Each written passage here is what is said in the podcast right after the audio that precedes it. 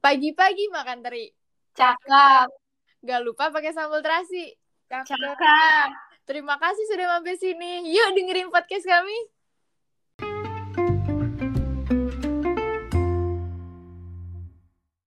Selamat pagi, selamat siang, selamat sore, selamat malam teman-teman semua. Selamat datang nih di podcast kita. Makasih banyak yang udah luangin waktu buat dengerin podcast kita kali ini. Mungkin yang di WIT, WITA, atau WIB ya kan. Hari ini aku nggak nggak sendiri banget, ada teman-teman yang nemenin. Bisa kali perkenalan diri dulu. Nama aku Safa. Lanjut. Hai semuanya, nama aku Lila. Halo semua, nama aku Azwa. Hai, aku Kanaya. Nah, langsung aja kali ya. Kita ngasih tahu nih kita mau ngapain di sini. Hari ini kita mau ngulas novel yang kita udah baca. Pada, penasaran gak nih? Semoga penasaran ya. Soalnya buku yang kita baca-baca tuh sudah seru-seru banget. Cocok buat anak Gen Z yang lagi bingung buat cari buku. Bener gak guys? Bener banget. Mulai dari aku aja kali ya. Nah, jadi kalian tuh pernah nggak sih dengar ada yang nama istilah tuh teman tapi menikah? Pernah nggak? Sering deh kayaknya denger. Ya kan, pernah kan? Itu tuh sebenarnya beneran loh teman-teman. Jadi buku yang aku baca ini judulnya tuh Teman Tapi Menikah. Nah, salah satu novel favorit aku nih yang berasal dari kisah nyata. Seru banget dan juga udah difilmin. Makanya sebelum nonton bisa kali dengerin ulasan buku dari aku dulu. Buku ini ditulis ditulis oleh Ayudhya Bing Slamet dan Dito Percussion di mana mereka adalah teman tapi menikahnya. Ayu dia itu bisa dipanggil Uca, itu panggilan dari Dito. Kalau Dito dipanggilnya Dit aja. Jadi mereka itu teman sebangku pada masa SMP nih dan berkelanjutan hingga SMA. Lalu mereka kuliah, mereka pisah dikarenakan perbedaan universitas. Ayu itu orangnya tomboy, punya banyak temen cowok, makanya dia temennya sama Dito dan anak-anak cowok lainnya. Dan Dito itu cowok yang gimana ya? Kalau masa sekarang itu bisa lah kalau misalnya dibilang playboy, kayak Mayan tuh cewek-cewek yang dideketin sama Dito, tapi Ayu dia bukan salah satunya. Oh iya, mereka juga nih masuk ke grup band sekolah. Dito itu suka main perkusi, makanya namanya Dito Percussion. Kalau Ayu itu sukanya nyanyi. Singkat cerita, mereka itu menjalani masa SMP dan SMA bareng-bareng terus. Bener-bener nempel kayak sahabat banget. Tapi nggak ada tuh yang namanya suka-sukaan. Ayu itu orangnya cuek gitu. Makanya kalau misalnya Dito pengen ngungkapin perasaannya, dia rada-rada takut ya. Padahal dia tuh udah suka banget dari bangku SMP lucu banget deh. Nah terus lanjut kuliah mereka tuh pisah. Ayu itu kuliah di Jakarta kalau Dito itu di Bandung. Mulai dari sana mereka itu udah saling sibuk masing-masing udah jarang banget tuh yang namanya kotak-kotakan udah susah banget untuk temu. Tapi yang namanya jodoh kan kita nggak tahu ya guys. Jadi Dito itu ternyata udah nggak kuat banget nih pengen jujur rasanya sama Ayu. Singkat cerita mereka itu akhirnya jujur-jujuran dan mulai dari sana gak ada lagi tuh yang namanya sahabatan. Mereka udah saling suka. Akhirnya Ayu dia itu dilamar sama Dito di Bali, di mana tempat favorit mereka. Dan sekarang mereka udah mempunyai keluarga kecil yang dikarnai satu anak bernama Skala, yang super lucu. Itu aja sih guys, kalau ulasan dari buku aku itu benar-benar walaupun singkat tapi menurut aku tuh berarti banget sih karena itu dari kisah nyata. Gimana gimana? Seru Kayaknya banget, seru banget ya ceritanya. Ya Ya kan? sinopsisnya kayaknya seru banget ya. Alasan kamu apa sih, Safa, untuk milih buku ini untuk diulas? Alasan aku karena eh, di luar dari ini novel favorit aku ya, aku cuman pengen kayak eh ngasih tahu aja nih kan kalian kayak kalau ini novel yang super seru banget untuk dibaca dan eh, cocok juga nih untuk eh, remaja-remaja sekarang gitu yang ibaratnya mungkin ada yang eh, sama lagi sama nih situasi kondisinya gitu. Jadi aku pengen banget eh, berbagi cerita tentang novel ini gitu. Saf, kalau boleh tahu nih, pasti di buku kamu juga ada kan kayak kekurangan sama kelebihannya. Apa sih boleh share gak? Oh, kalau misal kekurangan kelebihan ini ada beberapa nih. Kalau misalnya kekurangannya, aku aku tuh kurang suka ya sama font tulisannya nih. Jadi eh, eh, enak dibaca, tapi aku kayak kurang suka gitu karena terlalu kecil. Itu sih menurut aku. Sama covernya menurut aku sih kurang menarik, walaupun isinya menarik banget gitu kan. Nah, tapi kelebihannya aku suka kertasnya itu super-super tipis, jadi bener-bener kalian bisa dibawa ke mana-mana. Itu bener-bener enak banget gitu. Terus di dalamnya itu ada foto-foto memori dari mereka dulu pas masih muda. Jadi kalian pas baca juga sambil nostalgia gitu sih.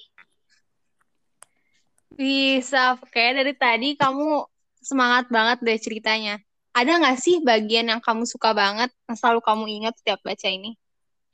Bagian yang aku suka banget itu pasti banget pas Ayu dia itu dilamar sih, karena itu benar-benar nggak nyangka banget ya, soalnya mereka kan dulunya sahabatan. Jadi pas kita baca juga, walaupun kita udah tahu mereka udah menikah, tapi itu uh, banyak adegan-adegan yang lucu sih menurut aku dari pas lamaran itu, kayak bener-bener uh, mereka itu sama-sama gugup, mereka sama-sama senang, mereka pokoknya lucu deh. Aku paling suka di situ sih.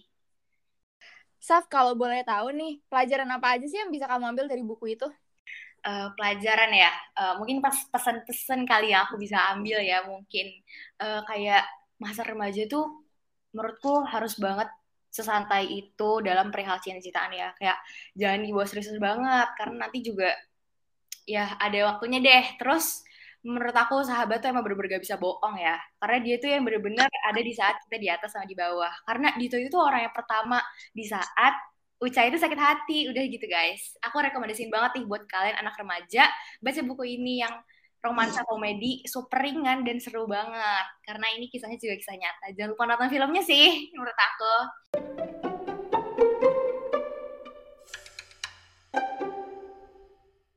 Nah, sekarang aku udah pengen banget nih denger dari Lila. Gimana Lil, abis baca buku apa nih? Bisa kali cerita? Jadi kemarin itu aku habis baca buku judulnya Kata dan buku ini tuh ditulis sama Rintik Seduh. Jadi aku mau bagiin sinopsis ceritanya aja lah ya, singkat ceritanya aja. Jadi ceritanya itu ada seorang wanita namanya Binta Dinasyara jadi dia tuh terkenal sama kecantikan dan sifat cueknya. Jadi dia tuh hidup sama keluarga yang bisa dibilang tuh udah rapuh lah ya. Kayak ayahnya ninggalin dia, terus kayak ayahnya tuh nggak tahu ke mana.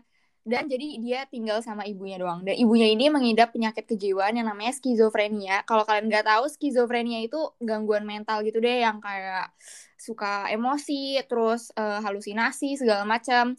Dan penderita skizofrenia ini itu adalah kekacauan berpikir segala macam. Jadi Binta sendiri harus ngurusin ibunya. Nah, Binta ini ngerasa hidupnya tuh berantakan banget sama masalah tuh terus-terusan gitu datang ke dia.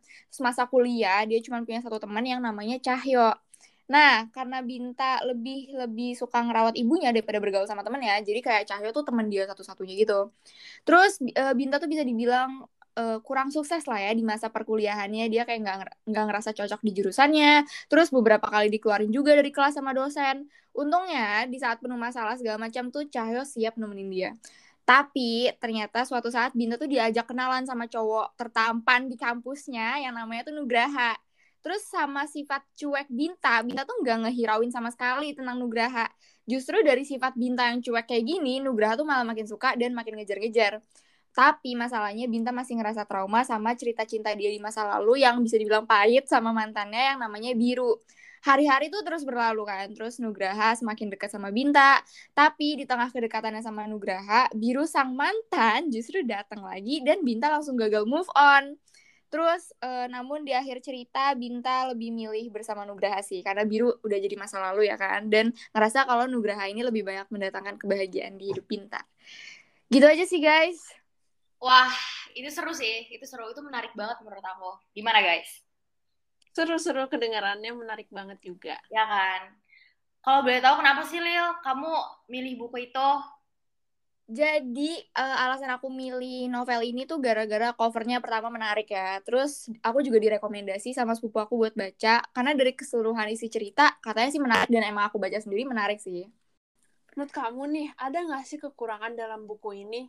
Kalau ada, tolong sebutin dong. Atau boleh deh sebutin juga kelebihannya. Boleh banget nih. Jadi uh, kekurangannya yang pertama ya, itu gara-gara bahasa bahasanya banyak yang berbelit-belit, terus kayak banyak basa-basi. Dan alur ceritanya menurut aku sendiri tuh mirip banget sama cerita cinta kisah remaja pada umumnya gitu, kayak nggak ada yang terlalu spesial dari novel ini. Kalau kelebihannya sendiri, menurut aku ya buku ini tuh bagus buat dibaca. Terus kayak ngebuat kita penasaran buat selalu pengen buka gitu halaman selanjutnya. Menurut aku uh, secara keseluruhan seru sih bukunya. Wih, kamu paling suka bagian mana, Lil? Sama ada nggak sih amanat yang bisa diambil dari buku ini? Kalau bagian yang paling aku sukain itu sih pas Binta milih Nugraha ya daripada Biru dan berusaha move on dari Biru itu bagiannya seru banget sih. Terus pelajaran yang bisa aku ambil dari cerita ini sih uh, jaga dan sayangin orang tua aja selagi ada karena di cerita ini Binta tuh ngurusin ibunya tuh bener-bener ikhlas banget karena ibunya punya penyakit.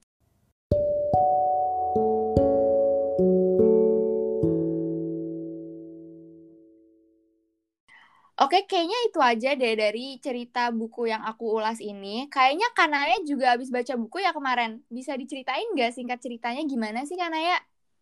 Iya nih, aku habis baca buku yang sedikit beda ceritanya sama kalian semua. Jadi aku baca buku fantasi. Judulnya itu The Amulet of Samarkand, yang nulis namanya Jonathan Stroud. Nah, buku ini menceritakan seorang penyihir berumur 12 tahun namanya Nathaniel dia tuh kayak jenius gitu dan dia bisa manggil uh, jin hebat bernama Bartimeus yang umurnya udah 5000 tahun. Bartimeus tuh kan udah jin yang udah mengabdi sama orang-orang hebat pada zamannya kan. Tapi dia bingung kenapa ini anak kecil manggil aku. Karena sikap sombongnya itu dia nggak mau disuruh-suruh sama Nathaniel. Tapi karena udah terikat kontrak, akhirnya berarti terpaksa mengikuti suruhan Nathaniel yaitu mencuri amulet Samarkand dari Simon Lovelace yaitu penyihir ternama di negara mereka. Nah, jadi aneh banget kan kenapa anak kecil ini nyuruh Bartimeus buat mencuri amulet yang heb yang hebat ini.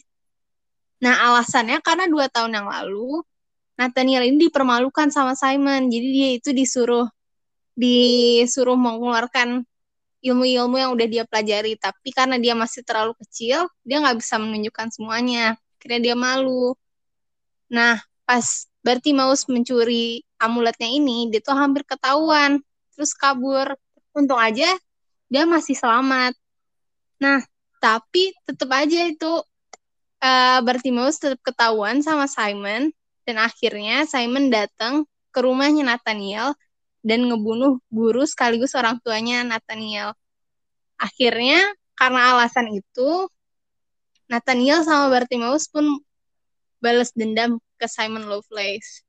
Karena pencurian ini banyak akibat-akibatnya lain, banyak masalah-masalah lain yang diakibatkan oleh pencurian ini. Akhirnya petualangan mereka mulai. Jadi mereka ingin memberantas Simon gini. Udah deh, gitu. Wah. Wih, ceritanya unik banget nih Kanaya nih. Kalau boleh tahu nih, kenapa sih kamu milih novel kayak gini gitu? Fantasi kan ini novelnya? Iya.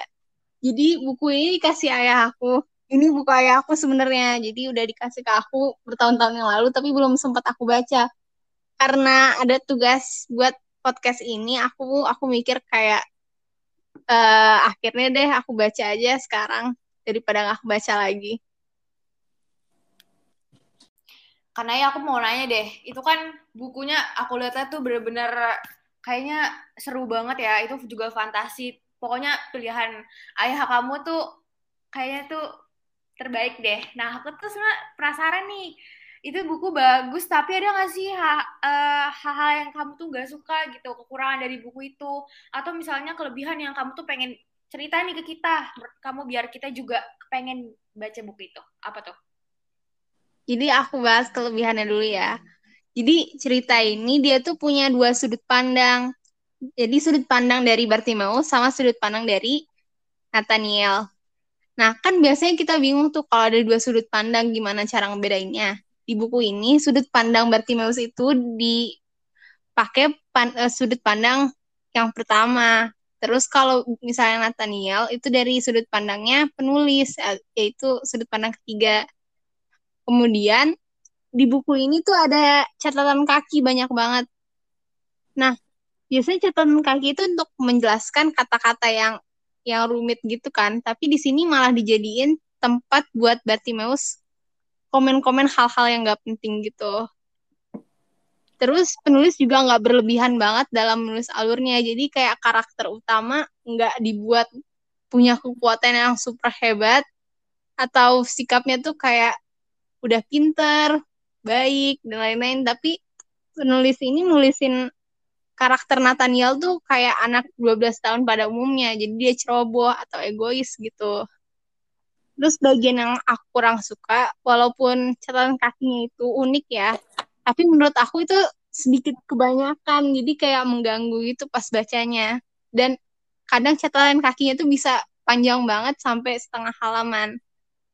Udah sih itu aja hmm, oh okay. udah dengar nih kan kayaknya cerita kamu tuh unik banget ya. Ada nggak sih bagian dari buku ini yang kamu suka banget?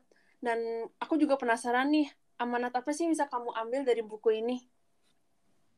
Kalau bagian yang aku suka itu pas Bartimeus kabur pas abis dia mencuri amuletnya. Itu kayak intens banget pengejarannya. Kayak banyak jin-jin lain yang ngejar dia tapi Bartimeus itu bisa aja selamat dari pengejaran itu kalau amanat sih menurut aku jangan balas dendam deh kalau misalnya ada masalah sama orang lain selesaikan baik-baik aja atau dimaafin.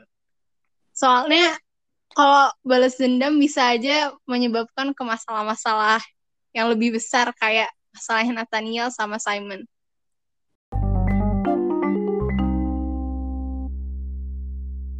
Aku, Safa, sama Lila udah nyeritain buku kita nih. Azwa, ada nggak buku yang kamu baca? Aku juga pengen denger dong kalau ada. Ada dong, aku baca buku yang berjudul Akhir Antara Kita atau judulnya lebih sering dikenal dalam bahasa Inggris yaitu It Ends With Us yang dikarang oleh Colin Hoover. Nah, novel ini bercerita tentang Lily Bloom, perempuan yang berusia 24 tahun yang tinggal di Boston. Novel ini dimulai dengan menceritakan suasana di mana ayahnya Lily baru saja meninggal.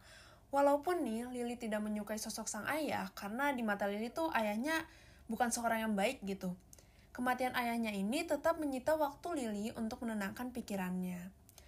Lily akhirnya memutuskan untuk menenangkan pikirannya di suatu atap di gedung yang bukan merupakan apartemennya. Nah, di tempat itulah Lily dipertemukan dengan Ryle, pria tampan yang merupakan seorang dokter bedah syaraf yang sedang menembus studinya sebagai residen di suatu rumah sakit di Boston.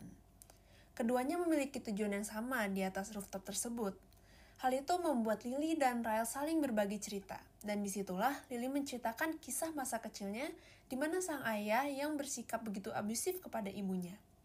Lily berpikir tidak ada salahnya kan mengeluarkan semua keluh kesah dan unek-unek dia kepada orang asing yang tidak akan ia temukan lagi. Nyatanya, dugaan Lily salah. Beberapa bulan kemudian, Lily dipertemukan kembali dengan Ryle ketika ia sedang menyiapkan bisnis barunya yang akan ia bangun. Tidak sampai di situ aja, Alicia, karyawan pertama dan terbaik yang membantunya mendirikan toko bunga impiannya itu dari nol, adalah kakak dari Ryle. Dan karena itu, Lily akhirnya semakin sering bertemu dengan Ryle dan semakin mengenalnya.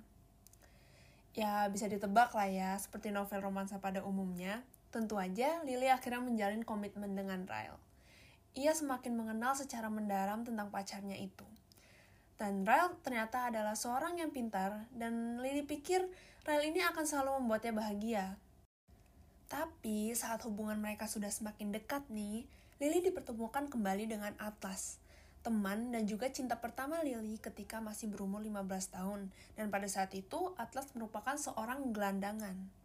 Tetapi ini setelah 9 tahun gak ketemu ya, ternyata Atlas kini sudah menjadi koki terbaik di Boston dan memiliki restoran bernama Bips walau pertemuannya dengan cinta pertamanya Lily ini benar-benar tidak diduga dan secara tiba-tiba banget nih, tapi Lily benar-benar nggak ada dilema di hatinya.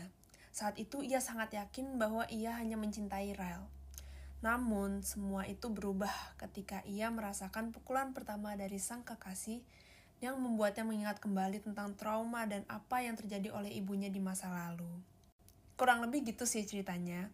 Walaupun yang aku jelasin kedengarannya klise banget ya, tapi percayalah buku ini tuh nggak seperti apa yang kalian bayangkan kok. Menarik banget, Zua. Parah. Iya, itu bener-bener kayak definisi klise banget ya kalau misalnya kamu ceritain. Jadi aku bener-bener penasaran banget nih buat baca lain kali. Bener banget. Baca ya Cerita- kan. Ceritanya kayak susah ditebak gitu nggak sih? Bisa banget.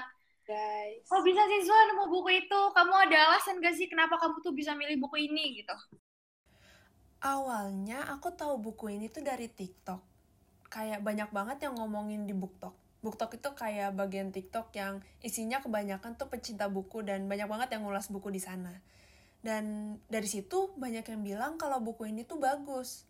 Terus karena nggak cuma sekali dua kali doang video yang membahas buku itu tuh lewat For You page aku, aku jadi makin penasaran kan. Jadi aku memutuskan untuk beli buku ini. Dan setelah aku baca nih, setelah aku habisin bukunya, aku pikir buku ini tuh uh, menarik gitu untuk diulas dan dibicarakan. Hmm, iya sih. Kalau aku lihat-lihat emang seru banget sih kayaknya. Tapi ada nggak sih kekurangan sama kelebihan yang kamu temuin di buku ini, Zua? Kalau kekurangan, mungkin sesuatu yang bisa aku kritik dari buku ini tuh bagian pengenalan tokoh yang bernama Alicia atau Isa ini ya. Karena menurut aku nih, kedatangan tokoh ini tuh kayak apa ya? Malaikat jatuh aja gitu. Secara tiba-tiba dan secara ajaib memberi dampak yang besar di kehidupan Lily dan mempengaruhi keseluruhan eh, cerita di buku ini gitu. Terus eh, kalau satu yang aku suka dari buku ini tuh aku suka banget cara Colin Hoover memberikan pengertian berbeda terhadap bagaimana cara untuk melalui masalah-masalah yang ada, terutama yang ada di buku ini nih. Dan bagaimana cara membuat keputusan yang realistis. Selain itu, aku juga suka cara dia menuliskan ceritanya karena bisa banget membuat pembaca merasakan apa yang karakter utama ini rasakan gitu. Terutama di bagian kita dibikin bingung uh, di, situ- di situasinya Lily. Kayak kalau kita jadi Lily tuh kita harus ngapain sih sebenarnya? Dan ya jadi kompleks aja gitu pemikiran kita membayangin uh, diri kita berada di posisi Lily itu. Ih, seru banget ya, Zua.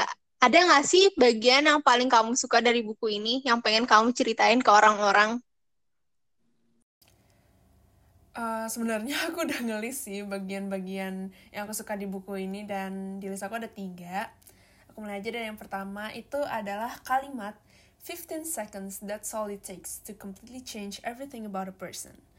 Itu kayaknya diulang 2-3 kali di dalam buku ini. Dan penempatan kalimat tersebut tuh kayak di situasi-situasi yang bener-bener pembaca tuh lagi runtuh gitu loh. Jadi kita mau dengan membaca kalimat ini jadi makin sakit hati gitu.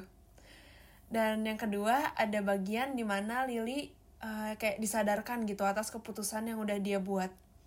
Bagaimana Lily yang terus-menerus memaafkan Ryle karena ia tuh diliputi rasa cinta yang kuat banget. Terus bagaimana ia merasa bahwa Ryle itu hanya korban masa lalu yang buruk juga.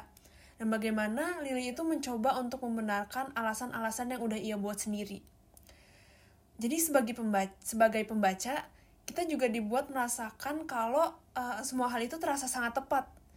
Lewat cerita Lily ini, kita uh, dibuat mengerti kenapa ibunya Lily itu dulu bisa bertahan dengan ayahnya yang begitu kasar. Ada monolog Lily di buku ini yang bunyinya tuh kayak gini. Aku membiarkan ini terjadi kepada aku.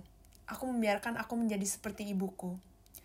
Di situ tuh momen-momen Lily tersadar kayak dia udah menyambungkan titik demi titik apa sih yang salah kenapa aku jadi seperti ini dan itu tuh bikin pembaca kayak ikutan tertampar juga gitu dan yang terakhir ada bagian yang bisa aku bilang menguras air mata aku banget sih ini tuh bagian di mana Lily melontarkan pertanyaan-pertanyaan kepada Ryle yang seakan-akan itu adalah anak mereka yang menanyakannya untuk bagian ini aku nggak akan menjelaskan lebih lanjut karena mungkin aku bisa mencuri sensasi yang akan kalian dapatkan gitu ketika kalian membaca buku ini.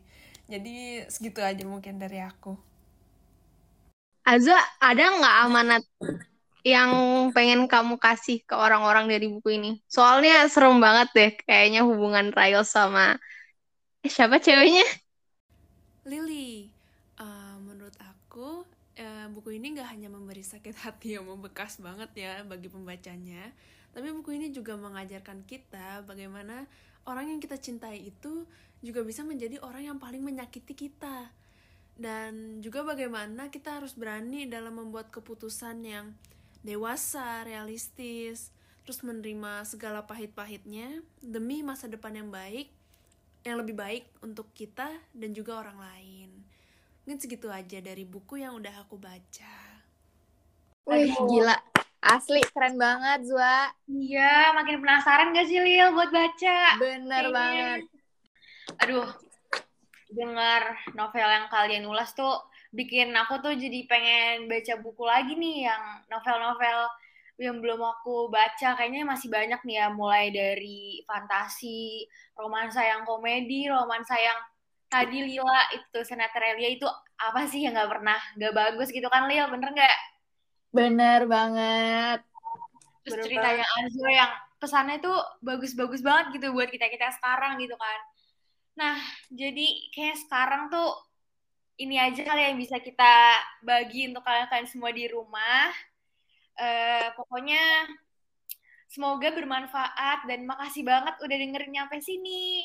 Yang ada di rumah dan di mana pun kalian bera- berada, semoga menghibur dan menambah rasa semangat kalian untuk lebih sering baca buku lagi. Karena ternyata seru-seru banget buku-buku itu.